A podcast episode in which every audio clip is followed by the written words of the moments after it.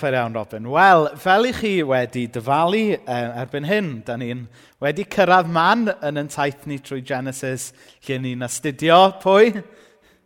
Noa, neu Joseph Noa. um, felly, ni'n cymryd yn darlleniad bore yma o benod chwech o lyfr Genesis.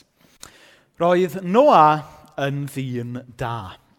Yr unig un bryd hynny oedd yn gwneud beth roedd Dyw eisiau roedd ganddo berthynas agos gyda Dyw. Roedd ganddo dri mab, sef Chem, uh, Shem, Sio chi'n ynganu rhaid? mae Beibl.net di newid yr Shem, Cham a Japheth. Na ni. Shem, Cham a Japheth. Wrth gwrs, o'n i'n... Um, mae Bert sy'n byw gyferbyn ar capel Bert Japheth yw e, yn dyfa enw, enw braf sydd wedi marw allan yng Nghymru, ond uh, Roedd y byd wedi sbwylio yng ngolwg Dyw. Roedd trais a chreulondeb ym mhobman. Gwelodd Dyw fod y byd wedi ei sbwylio go iawn. Roedd pawb yn gwneud drwg. Felly, dyma Dyw yn dweud wrth nhw dwi wedi penderfynu bod rhaid i bawb gael ei dinistrio. Mae trais a chreulondeb ym mhobman, felly dwi'n mynd i'w dinistrio nhw a'r byd hefo nhw. Dwi am i ti adeiladu arch. Yna mae rhai adnodau technegol ynglyn â seis yr arch. Dwi'n mynd i ddod â llifogydd ar y ddeiar fydd yn boddi popeth sy'n anadlu. Bydd popeth byw yn marw. Ond bydda i'n gwneud ymrwymiad i ti. Byddai di'n mynd i mewn i'r arch, ti a dyfeibion, dy wraig a'i gwragedd nhw. Felly dyna um, flas i ni o hanes Noa. Mae'r hanes mewn gwirionedd yn, yn para dros 2 neu 3 penod. A, a fyddwn ni yn cymryd bras olwg dros yr hanes i gyd gyda'n gilydd bore yma. Nawr, i ni'n cofio erbyn hyn, gobeithio, mae'r ysbrydoliaeth i'r gyfres yma ydy Take That. Um, mae yna un o gyneuon enwoca'r band ar um, Gitsgan Never Forget Where You Come Here From. Ddim yn deall sut maen nhw'n ffitio geiriau mewn, ond, ond chi'n deall yr egwyddor, Never Forget Where You've Come Here From. Um, pwy feddylia bod Take That yn lli dysgu y fath wirionedd i ni? Ond mae yn bwysig yn dydy. Mae'n cofio, mae'n bwysig bod yn cofio o lle ni wedi dod. Er mwyn gwneud synwyr o'r heddiw, mae rhaid ni ddeall y ddoi. Um, a mae Genesis yn lyfr sy'n mynd yn ni yn ôl i'n dechreuadau. Mae e'n helpu ni ddeall pwy greodd y byd. Mae'n helpu ni ddeall pwy ydyn ni. Mae'n helpu ni ddeall sut mae'r byd i ni'n byw yn ddo heddiw mor wahanol i'r byd prydferth na ddiw i greu i gychwyn. A wnaethon ni drafod pethefnos yn ôl rhan o beth aeth o'i le yng Ngardd Eden a sut daeth pechod a drygioni mewn i'r byd. Mae hwn yn lyfr um, sy'n dweud rhywbeth wrthyn ni ynglyn â Dyw. Mae'n dweud rhywbeth wrthyn ni ynglyn â'n hunan. Ond yn ogystal â bod yn lyfr sy'n mynd â ni yn ôl i'r dechrau, mae yn lyfr ar gyfer heddiw hefyd. Dwi ddim eisiau ni dim ond edrych ar hanes Genesis fel rhyw fath o stori dda. Stori am gyda ni hwyl efo'r plant yn canu am rybyd i res, rybyd i res. Um, Dafydd Iwan, ie, yes, sgwennodd. Ie. Yeah. A wy'n cofio pan o'n i'n fach, oedd, oedd hyn fainil efo ni. Ie, yeah, atgofio Melis. Um, ond beth bynnag, beth oedd enw ar fainil yna? Cwmryd y rhosyn, ie, yeah, da iawn o fe, briliant. Um, Wel, tyfod, mae cyneuon Dafydd Iwan yn sefyll o hyd. Um, be bynnag, sori. Uh, y pwynt o'n i ti wneud, mae'n ma, hawdd i ni, falle wrth bod ni'n mwynhau canu y res ac yn y blaen, jyst i feddwl am Genesis fel rhyw stories, plant fel bethau, jyst rhyw fairy tale stories bach. Ond dwi eisiau ni, tymor yma wrth bod ni'n myfyrio Genesis, i gofio, na, mae nid jyst rhyw stories bach neis am rai o'n hoff gymeriadau, ydyn nhw. Ond mae yna wirionedd a her i ni heddiw yn codi o lyfr Genesis. Felly dwi eisiau ni ddim jyst meddwl am stori Noah, stori Joseph ac yn y blaen. Dwi eisiau ni encounter o Dyw i hun yn Genesis eleni. Nawr, bythefnos yn ôl, wnaethon ni edrych ar hanes Adda ac Efa yng Ngardd Eden, a wnaethon ni fyfyrio rhywfaint ynglyn â beth sydd wedi mynd yn anghywir yn y byd yma. A wnaethon ni weld bod pechod wedi dod mewn i'r byd, ond yn allweddol, yn syth bin, mae Dyw yn cymryd camau i droi popeth yn iawn.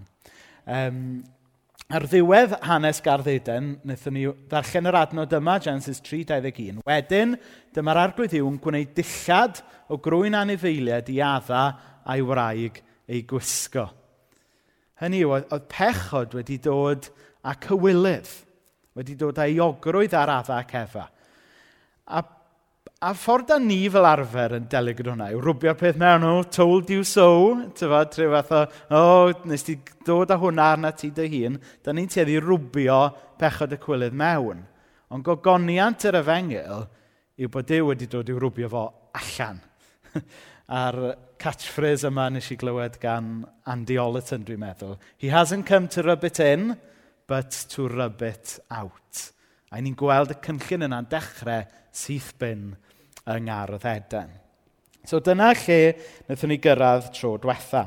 Ond i ni'n ail ymuno ar hanes bore yma, fel o'n i'n dweud, yng nghyfnod Noa. Nawr mae hwn yn golygu mod i wedi neidio dros um, rhai rhannau pwysig o Genesis. I ni wedi neidio dros hanes Cain ac Abel. I ni wedi neidio dros hanes um, Enoch, yr un a rodiodd gyda Dyw. Um, ddim bod hynna ddim yn bwysig, maen nhw yn bwysig, ond fel o'n i'n dweud, tas ni yn mynd trwy Genesis yn fanwl, byddwn ni yma am flynyddoedd.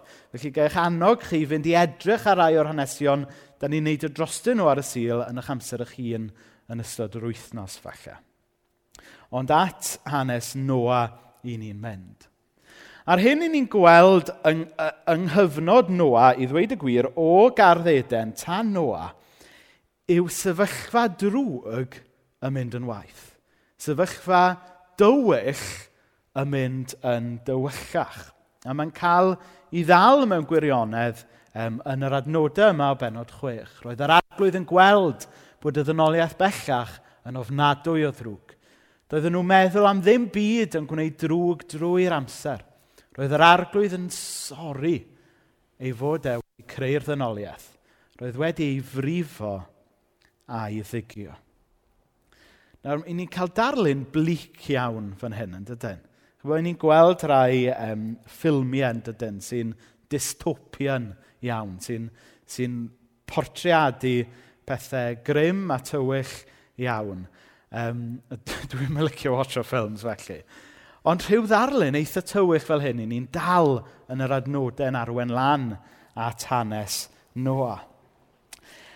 A beth sy'n taro fi fan hyn yw teimladau Dyw i hun yn wyneb hyn. Adnod chwech, roedd yr arglwydd yn sori ei fod e wedi creu'r ddynoliaeth, roedd wedi ei frifo a'i ddigio.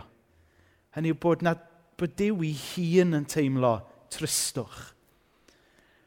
Bod Dyw i hun bron y bod mae'n mynegu rhyw fath o vulnerability fi'n credu fan hyn, yn dydy? Bod yna rhywbeth wedi mynd yn anghywir a bod e'n teimlo sori dros y peth. Falle byddai rhai fan hyn yn gweld hwn yn wendid yng nghymeriad Dyw, bod e'n bod e teimlo'n glwyfedig fel hyn, bod e'n teimlo'n vulnerable. Ond dwi'n meddwl mae'r rhan yma o gymeriad Dyw, ffaith bod e'n gallu teimlo tristwch yn y diwedd sy'n gwneud e'n ddiw, sy'n gallu dangos empathy ac yn gallu cydymdeimlo gyda'n profiadau ni ac yn gallu gwneud rhywbeth ynglyn â'r sefyllfa dywych yma. Ac i fi beth bynnag, nid gwendid yw hwn yng Nghymeriad Dyw, ond cryfder. Oherwydd, mae rhywun yn gallu datblygu perthynas yn dydy gyda Dyw sy'n dangos i deimladau. Pan i ni'n jyst yn meddwl am Dyw fel Dyw pell ag oer, mae'n anodd cael perthynas efo Dyw felly. Ond reit fan hyn, ar ddechrau hanes y Beibl, i ni'n gweld Dyw sy'n dangos emosiwn. Dyw sy'n dangos um, bod e'n agored, Dyw sy'n dangos empathy. A mae Dyw felly'n ddiw a gallwn ni resonatio efo. Yn Dyw a gallwn ni maes y law gobeithio i adnabod a gael perthynas efo fo. Ond, er gweitha y cefndir um, tywyll yma, mae yna, yn rhan emergences, fflachiadau o obaith a fflachiadau o oleini. Um, y cyntaf falle, um, i ni meddwl amdano yw Enoch, nes i, nes i sôn amdano'r basio. Um, roedd gan Enoch berthynas agos gyda Dyw. So mae'n ma, ma rhestru yr holl genedlaethau yma a lle oedd yna dywychwch, ond roedd Enoch a perthynas efo Dyw. Enoch a rodiodd gyda Dyw o'r William Morgan. Wy'n licio yr adnod yna o William Morgan. Um, a wedyn, wrth gwrs, y cymeriad ni, bore yma, Noa. Roedd Noa wedi plesio'r arglwydd.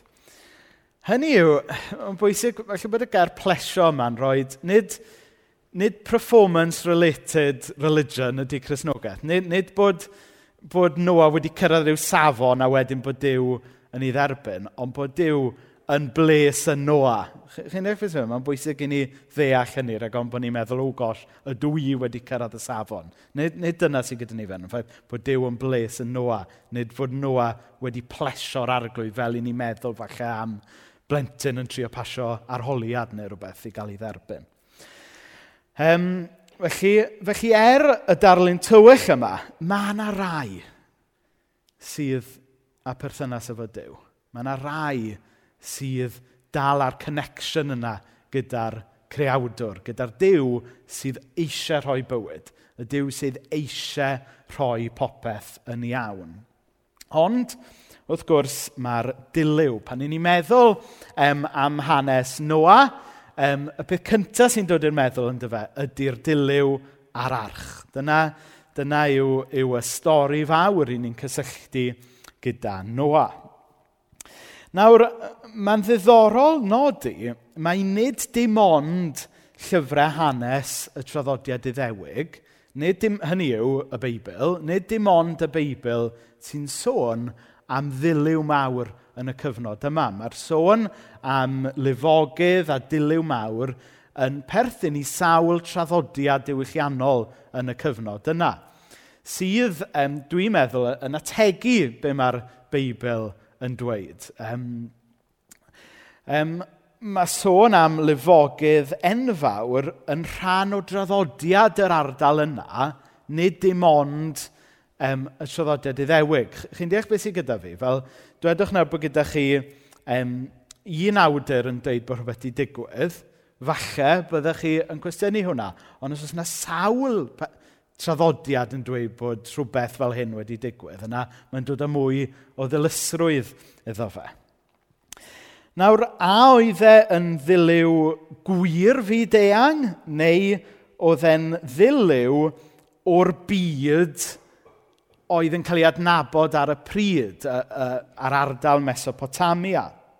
Um, fe gewch chi grisnogion sydd yn hapus i gredu y ddau safbwynt. Mae yna rai grisnogion yn credu bod e, yn ddiliw llythrenol byd eang, y byd i ni'n adnabod heddiw, ond mae yna rai crisnogion yn credu mai diliw oedd e o'r, or, or byd oedd pobl y cyfnod yma yn ymwybodol ohono fe, ei byd nhw fel petai. Chybod, um, ond i fi, beth sy'n bwysig ydy'r stori fawr mae'r hanes yma yn ei ddysgu ni. Sef y creu y cwymp, ond yr adferiad, y restoration mae Dyw yn rhoi ar droed. Nawr mae'r hanes yma ynglyn â'r dilyw yn gorfodi ni ddod wyneb yn wyneb a cwestiynau anodd ynglyn â cymeriad a chyfiawnder Dyw. Um, mi ydyn ni gyd gobeithio yn derbyn a deall fod pechod wedi dod mewn i'r byd, wedi gwneud llanast yn y byd, wedi gwneud llanast yn yn bywydau ni. Ond falle bod chi wedi gofyn y cwestiwn, a oedd wir angen y fath ymateb a hyn? Oedd angen y dilyw? Falle bod chi wedi ffeindio'ch hunan rhywbryd yn gofyn, wel oedd wir angen gordd i agor cneien, chi'n gwybod. Yr un beth weda i yw bod maint y dilyw yn helpu ni ddeall maint dymder pechod. Yn yr un ffordd maes o law bod maint yr aberth ar y groes yn rhoi rhyw syniad i ni o faint cariad Dyw drosto ni. Hynny yw, mae popeth in proportion fel petai. Oedd, mi oedd y dilyw yn fawr ac yn ddifrifol, ond oherwydd bod pechod yn ddwfn ac yn dywyll. Oedd mi oedd aberth mawr Iesu ar y groes yn drastic a dramatic, ond mae hwnna achos bod cariad Dyw yn enfawr ac yn dramatic hefyd. So dwi'n meddwl mai dyna'r ffordd o drio deall beth sy'n mynd ymlaen. Sef bod popeth yn rhyw fath o proportional mewn ffordd. Ond wrth gwrs, y rhan dda o hanes um, Noa yw'r cyfamod, yr ymrwymiad mae Dyw yn gwneud gyda Noa a'i ddisgynyddion. Um, er gweitha'r dilyw, mae Dyw yn gwneud ymrwymiad, contract, be bynnag chi eisiau galw fe, gyda Noa, ond os ydych chi ar adnodau, mae e hefyd yn gwneud yr ymrwymiad yma gyda'r anifeiliaid a gyda'r ddeiar. A dwi'n meddwl bod hwnna falle yn bwynt da ni wedi jympio drosto fo, neu heb feddwl amdano fo. Da ni wrth gwrs yn gwybod bod Dyw yn gwneud ymrwymiad gyda dynoliaeth, ddath yn y diwedd, yw gyflawniad trwy Iesu ond mae e hefyd yn wneud ymrwymiad gyda'r anifeiliaid a'r ddeiar. Wrth gwrs, peidiwch anghalu'n anghywir. Dydy anifeiliaid, dydyn nhw ddim ag enaid, dyw, dyw anifeiliaid ddim angen perthynas bersonol efo Iesu i gael mynd i'r nefoedd, er yn siŵr bod yna sawl rhiant wedi trio deithau plant lle mae'r jyrbyl di mynd ac yn y blaen. Ond, tywa, dwi'n dwi, dwi yn deud hynny, ond dwi yn deud bod bod Dyw, bod y byd naturiol, bod y ddeiar yma mae Dyw wedi gychreu dal yn bwysig i ddew. A bod hwnna felly yn amodi y ffordd dylen ni fel Cresnogion drin a gofalu am y greadigaeth yma mae Dyw wedi creu. Mae ymrwymiad Dyw gyda ni, ond hefyd gyda'r ddeiar. A dyle hwnna effeithio'r ffordd da ni fel Cresnogion yn byw allan yn bywyd, dwi'n meddwl. Ond jyst pwynt wrth basio oedd hwnna. Um, nawr mae Dyw yn gwneud cyfamod gyda Noa. A mae e'n dweud na fydde fe byth yn dod â dilyw tebyg eto. Ac fel arwydd o hyn, mae e ar ôl iddyn nhw ddod allan o'r arch, a i chi'n gwybod y stori, um, mae e yn rhoi'r enfys fel symbol ac arwydd o'r ymrwymiad yma. Nawr, mae'r symbol yr enfys yn golygu um, rhywbeth yn bersonol i fi. Mae Dyw wedi siarad gyda fi drwy um, symbol yr um, enfys yma. Nawr fydd um, rhan fwyaf ohonoch chi'n gwybod mae, um, so dwi'n cael props eto bore yma, rhan fwyaf ohonoch chi'n gwybod um, mod i yn hoffi tynnu lluniau. Dyna, dyna un o fy hobbies i. So mae'r bag yn dod allan eto bore yma. Cysondeb yn bwysig.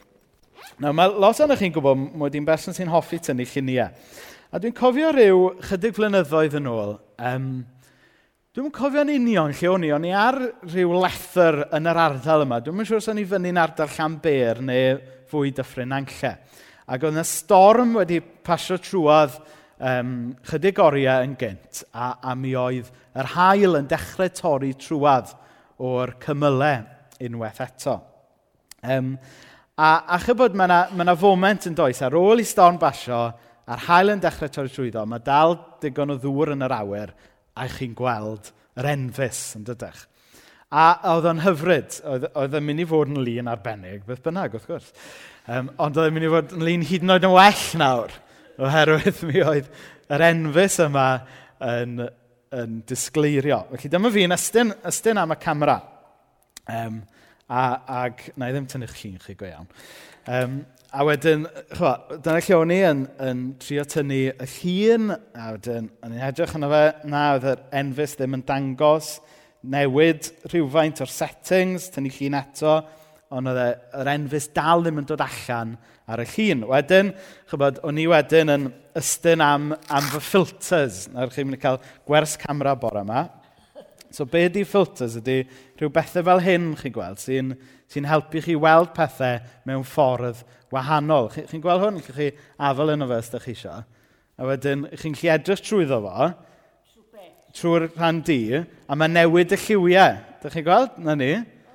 Ie, yeah, mae newid y lliwiau. A'r syniad ydy bod, bod y filters yma'n yn helpu'r camera i weld pethau dydy'r um, dydy'r llygad dynol methu i weld. Felly dyma fi'n trio gwahanol rai o'r rhain, trio tynnu llun eto, edrych ar y camera. Dal yr enfys yma ddim yn dod allan ar y camera, er bod e fyna ymlaen ni. A chyfod, ddim bod fi eisiau brolio'n hun, ond dwi'n dwi gwybod sut mae dynyddio camera. So, Ac ar y foment yna, dyma, dyma fi'n teimlo Dyw yn deithau, roed y camera i lawr, oherwydd, a, a dyma fe'n dweud wrtho fi, mae nid trwy lens y camera, nid hyd yn oed trwy'n llyged o'n ni yn gallu gweld yr enfys, ond yn hytrach trwy lyged ffydd.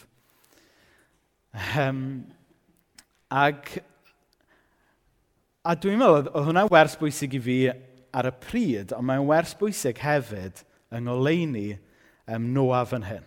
Ie, mi oedd Noa'n gallu gweld yr enfys.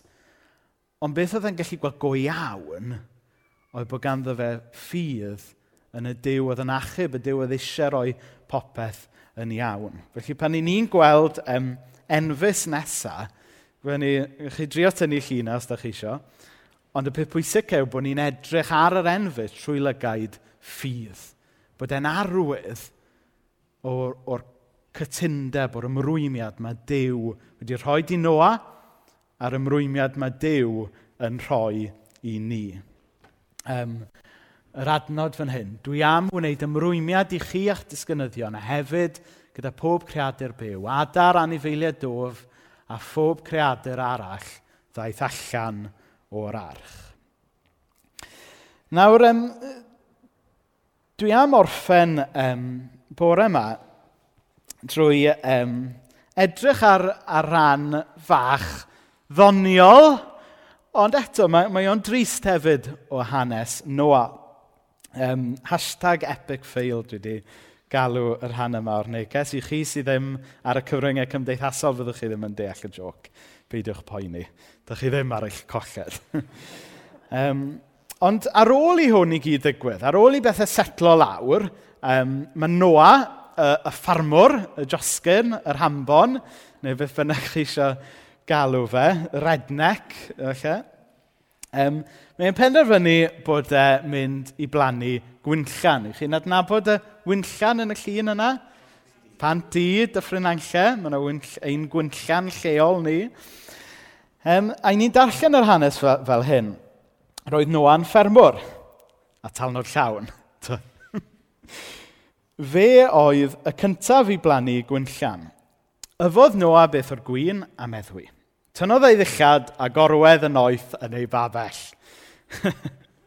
a chyfod, um, dwi wedi byw yn Pantic am dair flynedd a wedyn Warden yn JMJ am ddwy flynedd. this is nothing. Um, nawr, mae yn hanes doniol, ond mae yn hanes trist hefyd, yn dydy. Noa oedd yr hufen. nawr, meddyliwch am hyn, yn dyfa. Chyfo, oedd, oedd y drygioni o dynoliaeth, a'r llanas o dynoliaeth, oedd Dyw wedi gweld bod yna bod na un oedd e wedi blesio, sef yr un yma. um, yr unig un oedd yn plesio'r arglwydd. Hwn, y, y josgyn yma, oedd ar cyfrifoldeb o ail boblogi y byd. o linach yr un yma yn y diwedd, y byddai'r gwaredwr yn dod. Hwn, Noa, oedd supposedly gobaith mawr y ganrif. A be mae'n neud? Meddwi'n rhacs a ffeindio hi'n yn oeth mewn pabell. Nawr, reswm pam mod i yn tynnu sylw at hyn – chybod yr emyn plant i ni'n canu weithiau, nid mega arwyr mega ddewr yw pobl ddew, yn wir ma'n rhyfeddol, maen nhw'r un fath a ti a fi. Mae hwnna'n bwysig ydy di. Os ydy Dyw yn dewis cael perthynas efo rhywun fel hwn, os yw Dyw yn dewis gwneud rhywbeth arbennig y mywyd, y gŵr a'r teulu yma, yna mae Dyw yn dewis rhai fel ni yn dydy.